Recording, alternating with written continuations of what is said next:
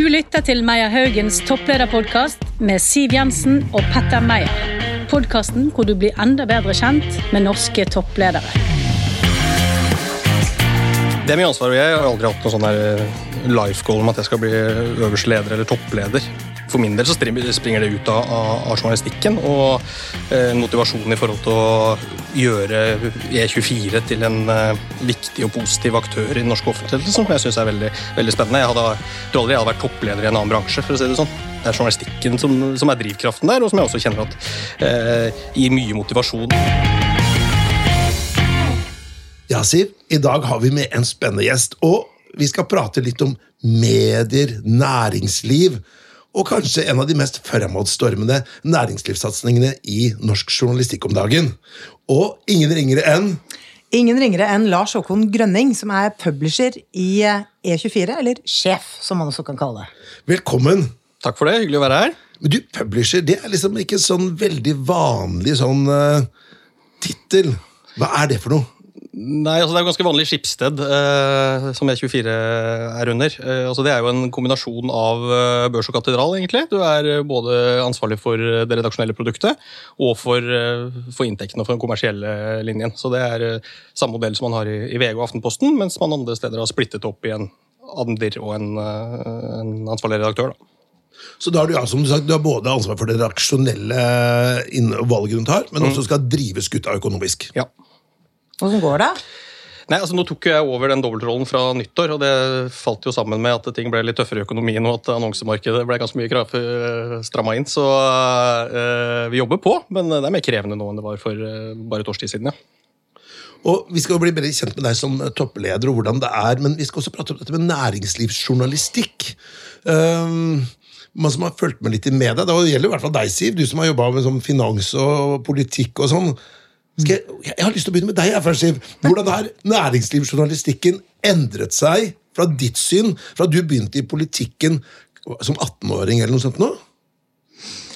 Jeg syns det er lenger og lenger mellom de virkelig gode, opplysende sakene. Eh, jeg syns veldig mye av næringslivsjournalistikken graver etter negative ting, om, og det skjønner jeg hvorfor.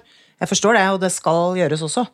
Men jeg, hvis jeg skal gi litt ros da, til vår gjest, så syns jeg jo at E24 klarer å balansere dette bra, uten å, eh, uten å slenge noe negativt om eh, potensielle konkurrenter, så må jeg si at jeg syns E24s artikler er ganske opplysende. Ja, Hva tenker du om det, Lars Håkon? Og skryt fra selveste Siv Jensen her, det er ikke hverdagskost. Ja, nei, det, det er jo hyggelig å høre. Eh, og så tror jeg at uh, hvis jeg skal tenke litt høyt rundt hvordan næringslivsjournalistikken har endra seg, så tror jeg at den har uh, blitt mye mer etterprøvbar enn det den var for noen år siden. Uh, og det er i hvert fall vi ekstremt opptatt av at altså, i størst mulig grad unngå alt som handler om anonyme kilder eller omtrentligheter. Vi skal liksom ha, være transparente og ha, være etterprøvbare hele veien. Og det, det håper jeg henger med, sammen med du sier at vi er opplysende også, da, for det, det, ligger jo der. Men det er nettopp det jeg mener. fordi jeg tror Noe av det verste for beslutningstagere, enten det er i næringsliv eller politikk, det er jo disse anonyme kildene som man ikke kan ettergå. eller Du vet ikke om stemmer dette egentlig, eller er det bare noe man kaster ut? Og, så jeg er enig, det har blitt veldig mye bedre, men det gjelder alle redaksjoner. Mm. Uh, og det er lettere å forholde seg til, tror jeg, for alle beslutningstagere. For, for i hvert fall, Når man leser medier, da, så kan man noen ganger og det, det er ikke sikkert det stemmer, da, men at man har hatt en, en vinkling som man ønsker å finne en eller annen ekspert på. Mm. Og du finner jo alltid en eller annen sånn professor emeritus eller et eller annet som kan underbygge ditt syn. Mm -hmm. uh, og så, men Den som leser saken, de vet jo ikke om dette her er en, altså Norges fremste ekspert på feltet. Mm -hmm. Noen ganger så virker det som liksom, mediene har en agenda, og det er drepende i alle, men i hvert fall i næringslivet. Ja, altså jeg tror i hvert fall man ofte kan Jeg vet ikke om det er riktig si at man har en agenda, men det er lett å det er lett å forelske seg i en hypotese eller en, noe man har i hodet som en god tittel, eller et eller annet sånt, og så lete etter fakta og eh, stemmer som bygger opp under det. Eh, og det, det, det, er veldig lett å gå i den fella, og det er noe vi jobber med eh, hele veien, og som ikke er mulig å komme helt i mål med, tror jeg. Eh, men vi er jo veldig tydelige i vårt interne etiske regelverk og sånt nå, at liksom det er en helt påkrevd del av den journalistiske arbeidsprosessen. og Det å jakte motstemmer og prøve å avkrefte de hypotesene du går inn i eh, arbeidet med en sak eh, med. da. Men du, Hvor mange av sakene som, som, dere publiserer, vil du si har eh, blitt utviklet som følge av tips til redaksjonen? Eh, altså, I vårt tilfelle litt for få. Eh, skulle ønske vi hatt enda større tipstilfang, men eh, det, det, Da tror jeg vi må liksom skille litt på hva, hva man legger i tips. For altså et innsalg fra et uh, lobbyistfirma. Uh, det vil jeg jo ha egentlig minst mulig av. Liksom. Ikke, det er ikke der vi primært skal basere journalistikken vår. på noen som helst måte. Men tips fra, uh, fra vanlige folk. og med vanlige folk så mener jeg jo folk som jobber på ulike fagfelt og har greie på det de driver med, og som ser interessante og viktige ting å ta tak i. det skulle jeg gjerne hatt, hatt mer av. Men, men, innsalg fra profesjonelle lobbybyråer, det, det er stort sett bare støy. Mm. Mm. Men vil du, altså Nå er det jo rusketider, og det har det jo vært eh, en stund, med for først covid og nå alt det, den usikkerheten som er. Påvirker det eh, journalistikken også? Ja, så Det påvirker jo ressurssituasjonen vår. Ja. Uh, det er klart Jo flere folk vi har, jo mer god journalistikk kan vi lage. så Sånn sett så, så påvirker, påvirker, det oss. Men det sagt så mener jeg vi har, vi har stått robust gjennom om dette her. Og for oss som jobber med næringslivsjournalistikk, så har det jo klart de siste årene har vært Eh, ekstremt spennende og viktig, fordi at uh, offentlighetens søkelys er liksom retta på vårt fagfelt, liksom, med økonomiske konsekvenser av, av pandemien, av krigen. Uh, nå sist en, en, kraftig renteoppgang. Altså, det er jo en enorm og historisk høy interesse for vårt stoffområde. Uh, og det gir oss jo flere lesere og gjør at man kjenner at enda viktigere enn jobb man gjør. Da. Men med, jeg tenker også litt sånn med den usikkerheten som er, da, så er det jo veldig mange selskaper, enten de er børsnoterte eller, eller ikke, mm. som, som, lever med den betydelige usikkerheten. Merker dere at de er mer eller mindre villige til å kommunisere med dere på saker som angår dem? Altså Generelt så er de fleste uh, mindre villige. Altså, uh, men om det henger sammen med det du påpeker der, er jeg ikke helt sikker på. Men det er jo, det er jo en veldig profesjonalisering av kommunikasjonsarbeid i absolutt alle selskaper, som gjør at man eh, sjeldnere og sjeldnere får mulighet til å sette seg ned og snakke direkte med de som er ansvarlige for ulike ting. Altså Det skal stort sett knas gjennom eh, eh, i hvert fall én kommunikasjonsmølle, og det, det, gjør jo noe med, med arbeidsvilkårene, selvfølgelig. det, det jeg tenker at ofte når man diskuterer samfunnssaker, da, det kan jo være politikk eller skatt eller hva det nå er, da, mm så ser jeg veldig få næringslivsledere som blir eller som i hvert fall er i media og kommenterer det. For det er veldig mange som La oss si om det er lakseskatt eller hva det kan være, da, mm. så er det hvis de ikke har en helt sånn klar agenda, da, mm. så savner jeg litt de stemmene der, for de har jo ofte liksom greie på ting. Mm. Eh, så lenge de ikke eh, snakker for sin syke mor, da. Men, men bruk de som sier, sier de nei, eller at jeg tenker at det er ikke så spennende? Eh tror de ofte Eller altså, de sier Jeg vet. De sier, sier, ofte nei, ja. Det er ikke veldig, veldig mange som uh, ønsker å ta en synlig rolle i offentligheten. Du har jo noen, uh, uten, men det er jo noen som figurerer ganske ofte ja. uh, og mener noe om det meste. Men, men, majoriteten tror jeg ikke trekker mot en, en, veldig eksponert rolle, hvis ikke det er for å, for å fremme en konkret sak eller et, et konkret budskap. da. Ja, ja. Eh, denne podkasten spilles jo da 20. juni, og i dag så var det da en sak om Tonje Brenna. som liksom var, i hvert fall Da jeg gikk på jobb i dag tidlig klokka sju, så var det sånn med inhabilitet. Eh, er det sånn, er det sånn storm i et vannglassak, eller er det liksom sånn hva, hva, tenker du når på en måte, liksom, den saken spiller i VG? Du mener at jeg har hatt en usedvanlig hektisk morgen, så det har jeg ikke fått med meg. du, så du Siv? Jeg har sett den saken, ja. Altså, det handler jo om at uh, Tonje Brenna har tildelt uh, verv til uh, nærstående, en advokat som bistår henne osv. Mm. Det er klart at hun har jo nå beklaget, lagt seg paddeflat og sagt at dette burde jeg ikke gjort, og at hun er inhabil i å håndtere den type saker. Og så har jo statsministeren vært ute og selvfølgelig hatt tillit til henne og alt mulig sånt. Men hvis du spør meg, da, Petter, så tror ikke jeg den saken går over så fort. Nei. Det er interessant for at det, altså Nå blir det liksom veldig lokal nyhet her, da, men det er prinsipielt interessant. Da, ikke sant? Det er utdanningsministeren, eh, også som da på en måte eh, Som også er, er nestleder i Arbeiderpartiet. Det er også korrekt. ikke sant? Mm. Og så har man jo veldig lav toleranse for sånn, sånn kameraderi, da, eller nepotisme, i norsk politikk.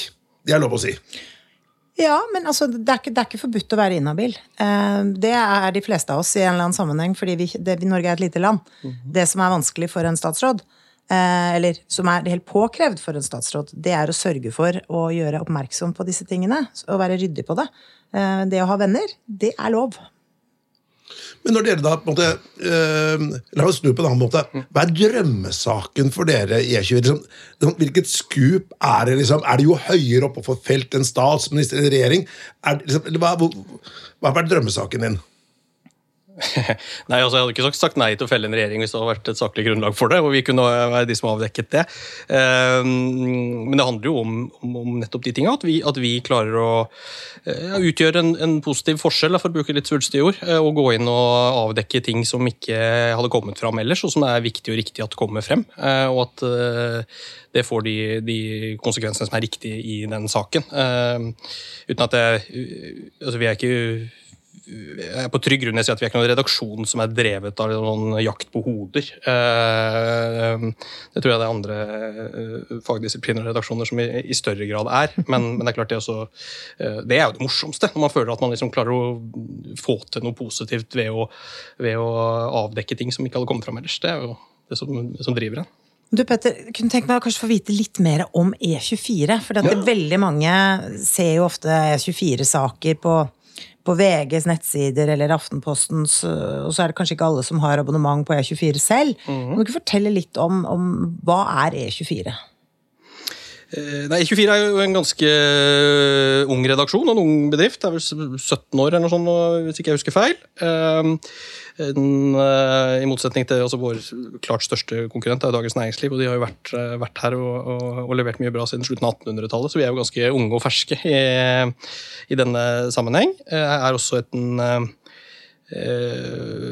ja, For å sette det i kontekst til, til DN igjen, da, så er vi jo en, en mer spissa næringslivsredaksjon. altså Vi driver lite med eh, kultur- og featurejournalistikk og vinanmeldelser og den type ting. Vi er mye mer spissa på, på økonomi og næringsliv. Eh, har eh, hatt en veldig veldig god vekst. Hvis jeg kan få skryte litt, altså vi er jo en eh, Vi når jo 3,3 ganger så mange hver dag som det DN gjør. Vi har gått over en halv million nordmenn. Eh, veldig mye også fordi at vi er i praksis økonomiredaksjonen til VG og Aftenposten også, så vi har en distribusjon der som er ganske stor.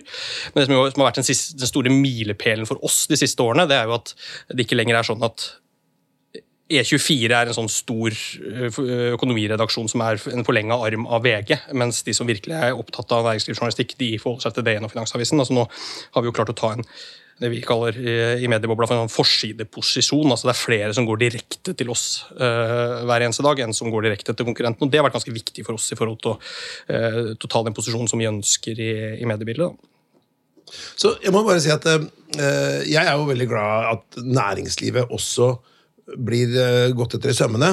Men noen ganger så føler man kanskje, hvis man jobber i næringslivet, at at hva skal jeg si, Nå må jeg være litt nyansert her, da, men det, det er veldig mye klaging. da, ikke sant? Man, Den jakter alltid feil, eller mm. ting som går galt. Mm. Og kanskje ikke flinke nok til å dra fram de gode historiene. Mm. Men der har jo dere en satsing nå på disse, dette med ledertalentene. Og bare for å være tydelig på det, at Meyer Haugen og E24 har et samarbeid om denne disse ledertalentene. så du bare får ta den biten da, Men hvorfor går dere inn etter med ledertalentene og får fram den vinklingen? Nei, altså Ledertalentene er jo noe vi har, har drevet med i veldig, veldig mange år. og uh, mener at det harmonerer veldig godt med det jeg nevnte at E24 er en ung redaksjon. For oss er det veldig naturlig å uh, ha en kåring som handler om de unge talentene. Uh, ikke nødvendigvis de som er etablert som de, de frem, fremste lederne. Og så er det som du er inne på, Petter, vi, vi, har en kritisk tilnærming til 80-90% av sakene vi, vi leverer. og det, det, skal vi ha, og det er riktig, og det er kjernen av samfunnsoppdraget vårt. Men så er det veldig deilig også å kunne bidra med noe som er egentlig utelukkende oppbyggende og positivt å skape en arena og stimulere til utvikling av, av gode, gode, ledertalenter. Og ha det, det inn som en del av, av tilbudet til leserne våre. Det, det, merker vi er veldig populært, og folk uh, skriker jo til den type saker som du sier nå, som er mer positivt uh, ladd og, og, oppbyggende også. Mm. Hvordan er leser... Uh, altså, dette, er, dette er på deres lesere er veldig interessert i den, den mer personifiserte disse leder high potentials, da. Definitivt. definitivt. Uh, merker stor interesse for det, og uh, merker at stadig flere bedrifter er jo også opptatt av å, å nominere sine. ikke sant? Dette er jo uh, stas hvis du er bedriftsleder og du har flere hos deg som liksom er på topplistene blant de fremste ledertalentene i Norge, så, så er det spiller det veldig godt også for den enkelte, enkelte bedriften. Mm. Vi kan jo komme med en oppfordring til dere som hører på podkasten, at hvis du har noen ledertalenter som du mener fortjener litt ekstra oppmerksomhet, de må være da under 35 år. Eh, så kan du da bare gå inn på enten på meierhaugen.no eller på E24 mm -hmm. og, ta, og nominere de der. Så ligger det mye informasjon om vi kan gjøre det. Men vi skal gå inn på dette med toppledelse. Mm -hmm. hvordan er det å være toppleder? Eh, det er ikke noe snarvei til lykke. Det er det ikke. Jeg skal ikke prøve å lage, lage, et glansbilde der, men det er jo, uh, gjør jo at man har mulighet og, og flere virkemidler til å virkelig få til ting man har lyst til å få til. Da. Og det er en veldig inspirerende del av det. Ja, Hvordan var det toppleder for deg, da, Siv? Var det liksom snarvei til lykke, eller er du litt mer avholden på det, du òg? Nei, jeg er enig i det. Det er ikke noe snarvei til lykke, men det er jo, det er jo interessant å høre litt. Altså, er det Hvorfor uh, tok du på deg et så stort og viktig oppdrag som, som dette? Det er jo ikke noe altså, det, er, det er mye ansvar. Det er mye ansvar. og Jeg, har aldri hatt noe sånn eh, life goal om at jeg skal bli øverste leder eller toppleder. Eh, dette, for min del så springer det ut av, av journalistikken og eh, motivasjonen i forhold til å gjøre E24 til en uh, viktig og positiv aktør i den norske offentligheten, som jeg syns er veldig, veldig, spennende. Jeg hadde, tror aldri jeg hadde vært toppleder i en annen bransje, for å si det sånn. Det, det, det, er, det er, journalistikken som, som, er drivkraften der, og som jeg også kjenner at uh, gir mye motivasjon i forhold til å, nå som jeg har en, dobbeltrolle som publisher, i forhold til å sanke inn penger og finansiering til å videreutvikle journalistikken også. Så det, for min del så er det um, et et privilegium å på en måte kunne stake ut kursen for å, for å løfte E24, eller, eh, eller norsk media. Det er der det kommer. Nå svarte han jo egentlig på et spørsmål som vi alltid har. For vi, vi, spør jo ofte, hvis det er alltid, topplederne som gjester denne podkasten, om, om, om, de kunne ledet hva som helst. Det kunne definitivt ikke, jeg tror jeg. Det, og jeg ser helt her ikke for meg at jeg kunne jobbet i noen annen bransje enn mediebransjen heller. Eh, jeg så, så, har jobbet i den hele livet og er så glad i den og kjenner så mye motivasjon i, i journalistikken at uh, jeg er ganske trygg på at jeg blir i mediebransjen ut karrieren. Ja. Men når du da skal rekruttere da til um E24, da, og da tenker jeg både på redaksjonelle stilling, men også da kommersielle roller, som du nå har ansvar for. Mm. Hva er det du ser etter da?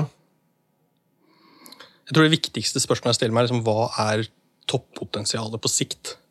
Eh, også litt fordi at jeg syns det er det gøyeste å jobbe med. Altså, å, å, å kunne være med å liksom utvikler folk og ledere eh, som gjør at de vokser liksom, i rollene og blir stadig bedre. Jeg synes Det liksom er, gir meg mest energi da, å kunne jobbe med det.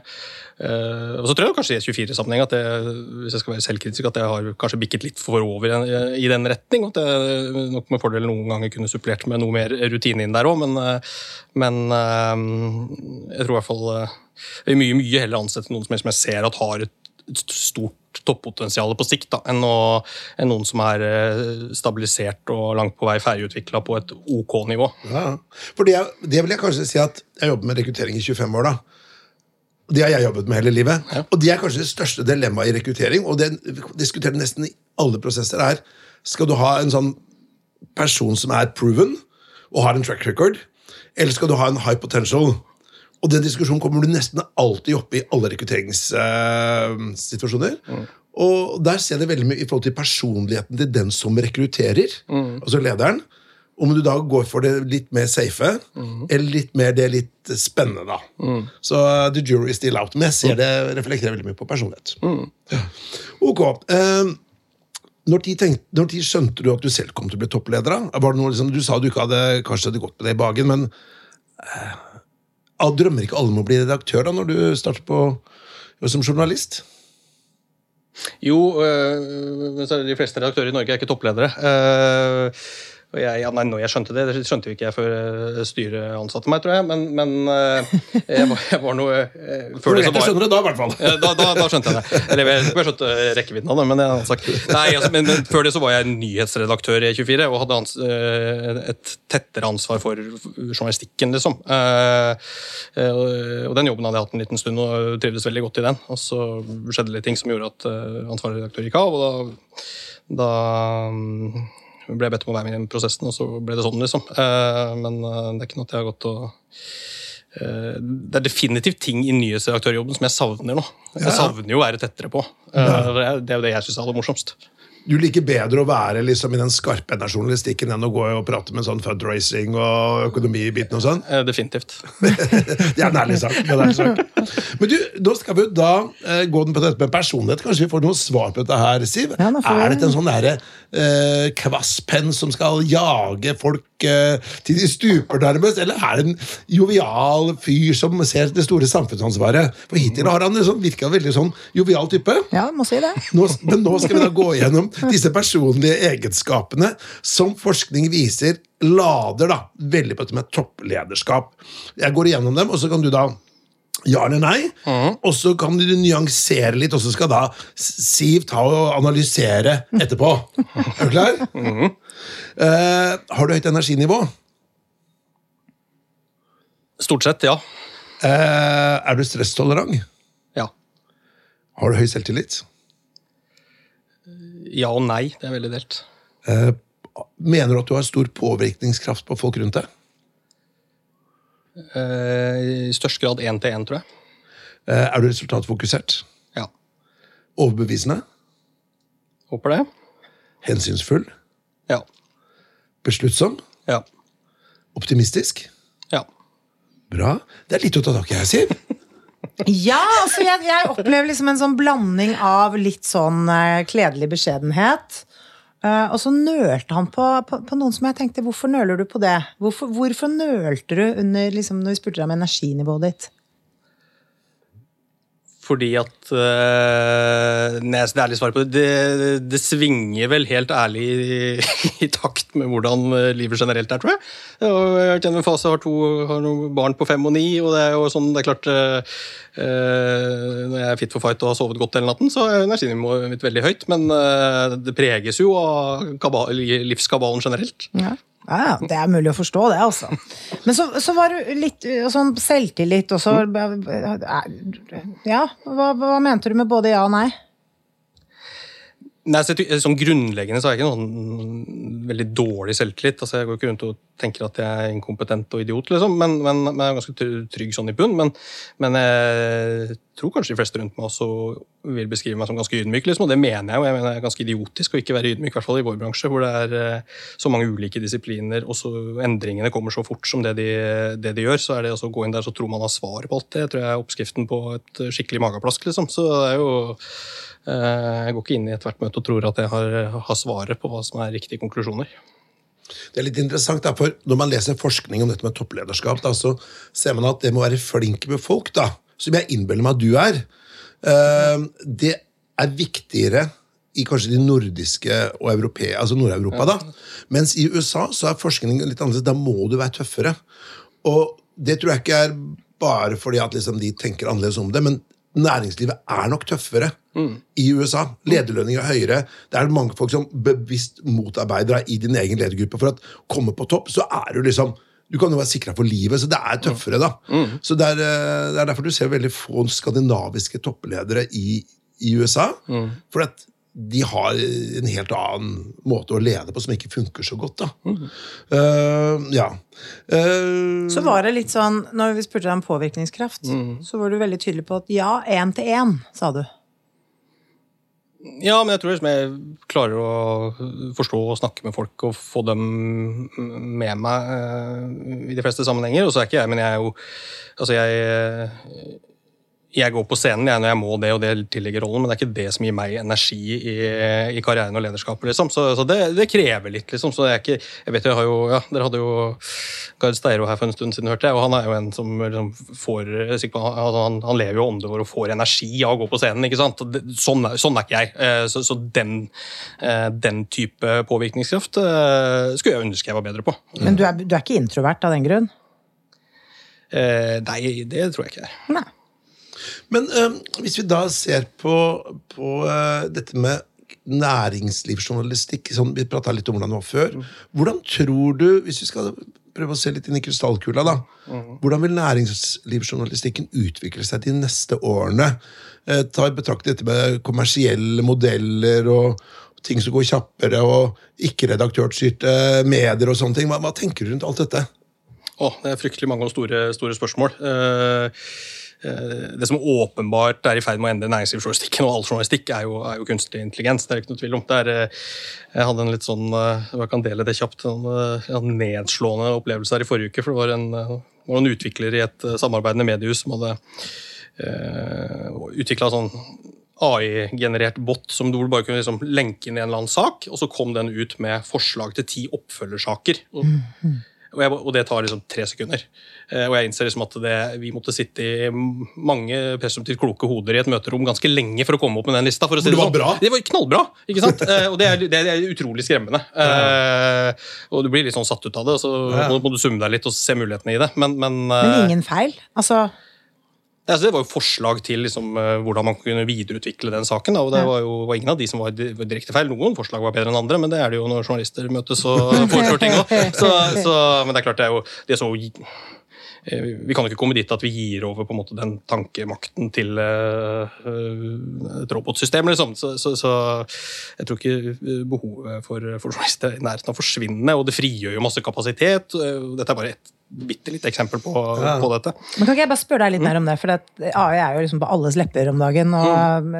Noen frykter det, og noen elsker det, og alt det mm. der. Men det, det må jo være en sånn balanse, tenker jeg da, mellom å frykte det av kommersielle årsaker, mm. og på den annen side mange etiske dilemmaer i det? Fryktelig mange etiske dilemmaer, og vi, er, vi, er, vi har ikke sett halv, en brøkdel av det ennå. Eh, dette kommer til å dukke opp mange bare, bare neste halvår eller året, tror jeg. Eh, og vi er jo der vi er nå, så er jeg i hvert fall veldig opptatt av at vi skal, den, når vi bruker AI, eller KI, det er jo en diskusjon det, eh, så skal vi i hvert fall være helt transparente på at dette er generert av, av det.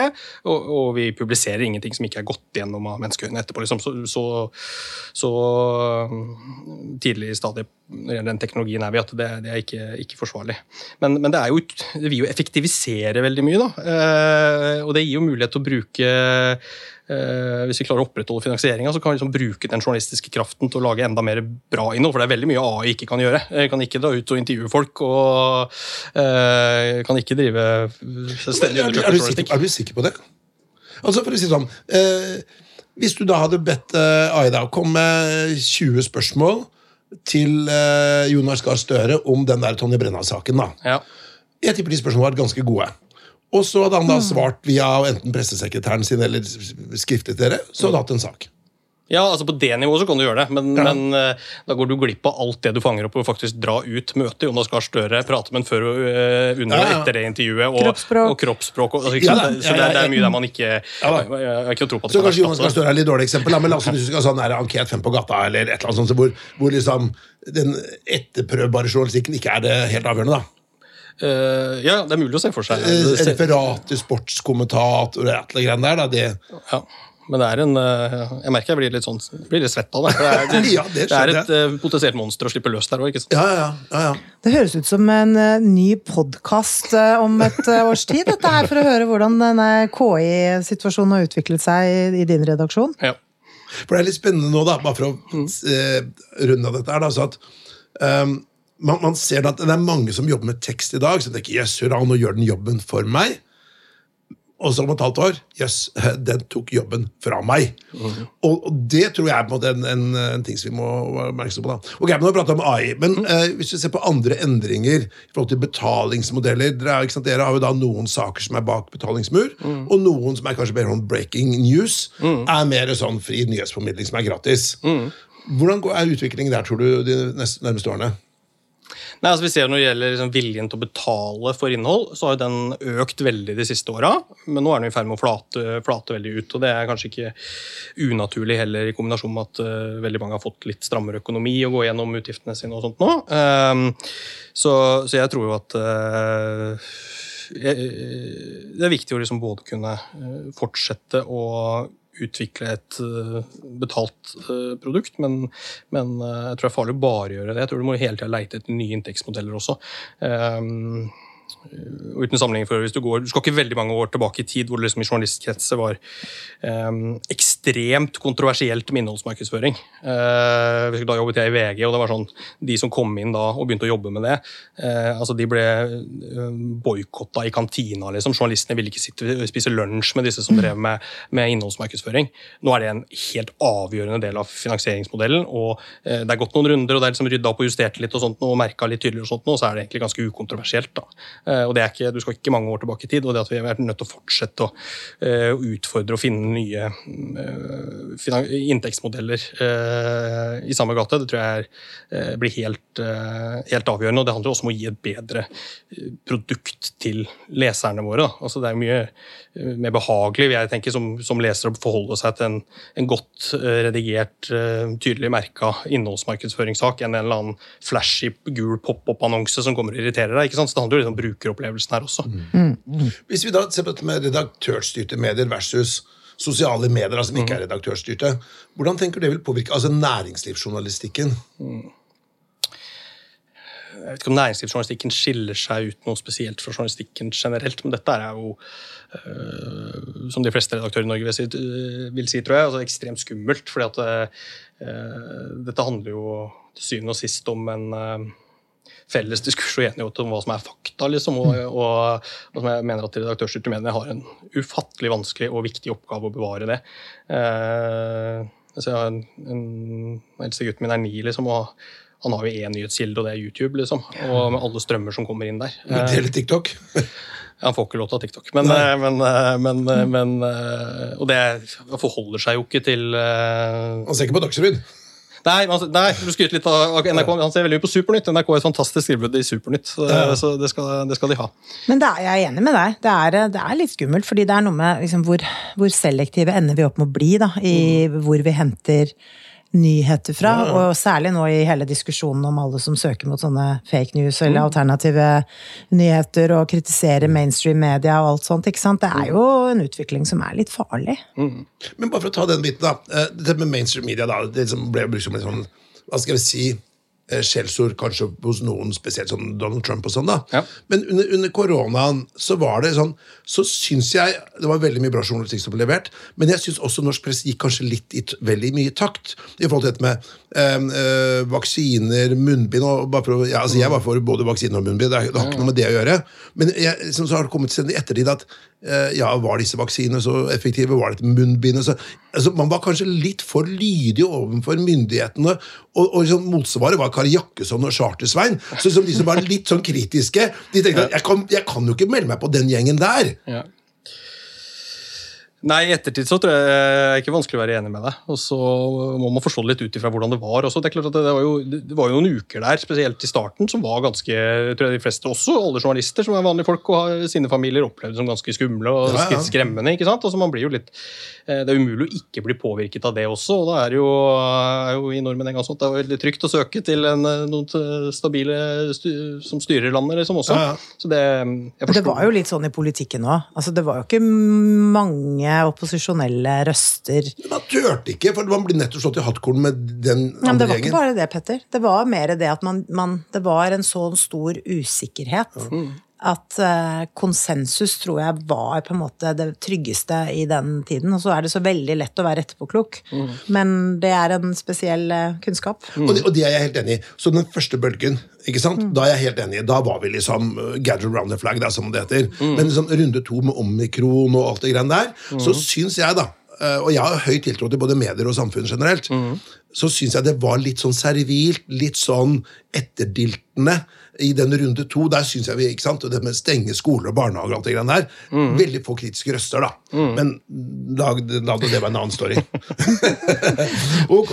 Ja, men Eh, skyte, ja, vi, jeg mener vi, der mener jeg at vi faktisk, da, for å skryte litt til E24, at vi gjorde en ganske viktig jobb der i forhold til uh, vår del av, av koronadekningen, som handla om uh, støtteordningene der, som vi Ja. gjorde en, en, brukte veldig mye ressurser på. og uh, Det ble jo en, en del justert i runde to, bl.a.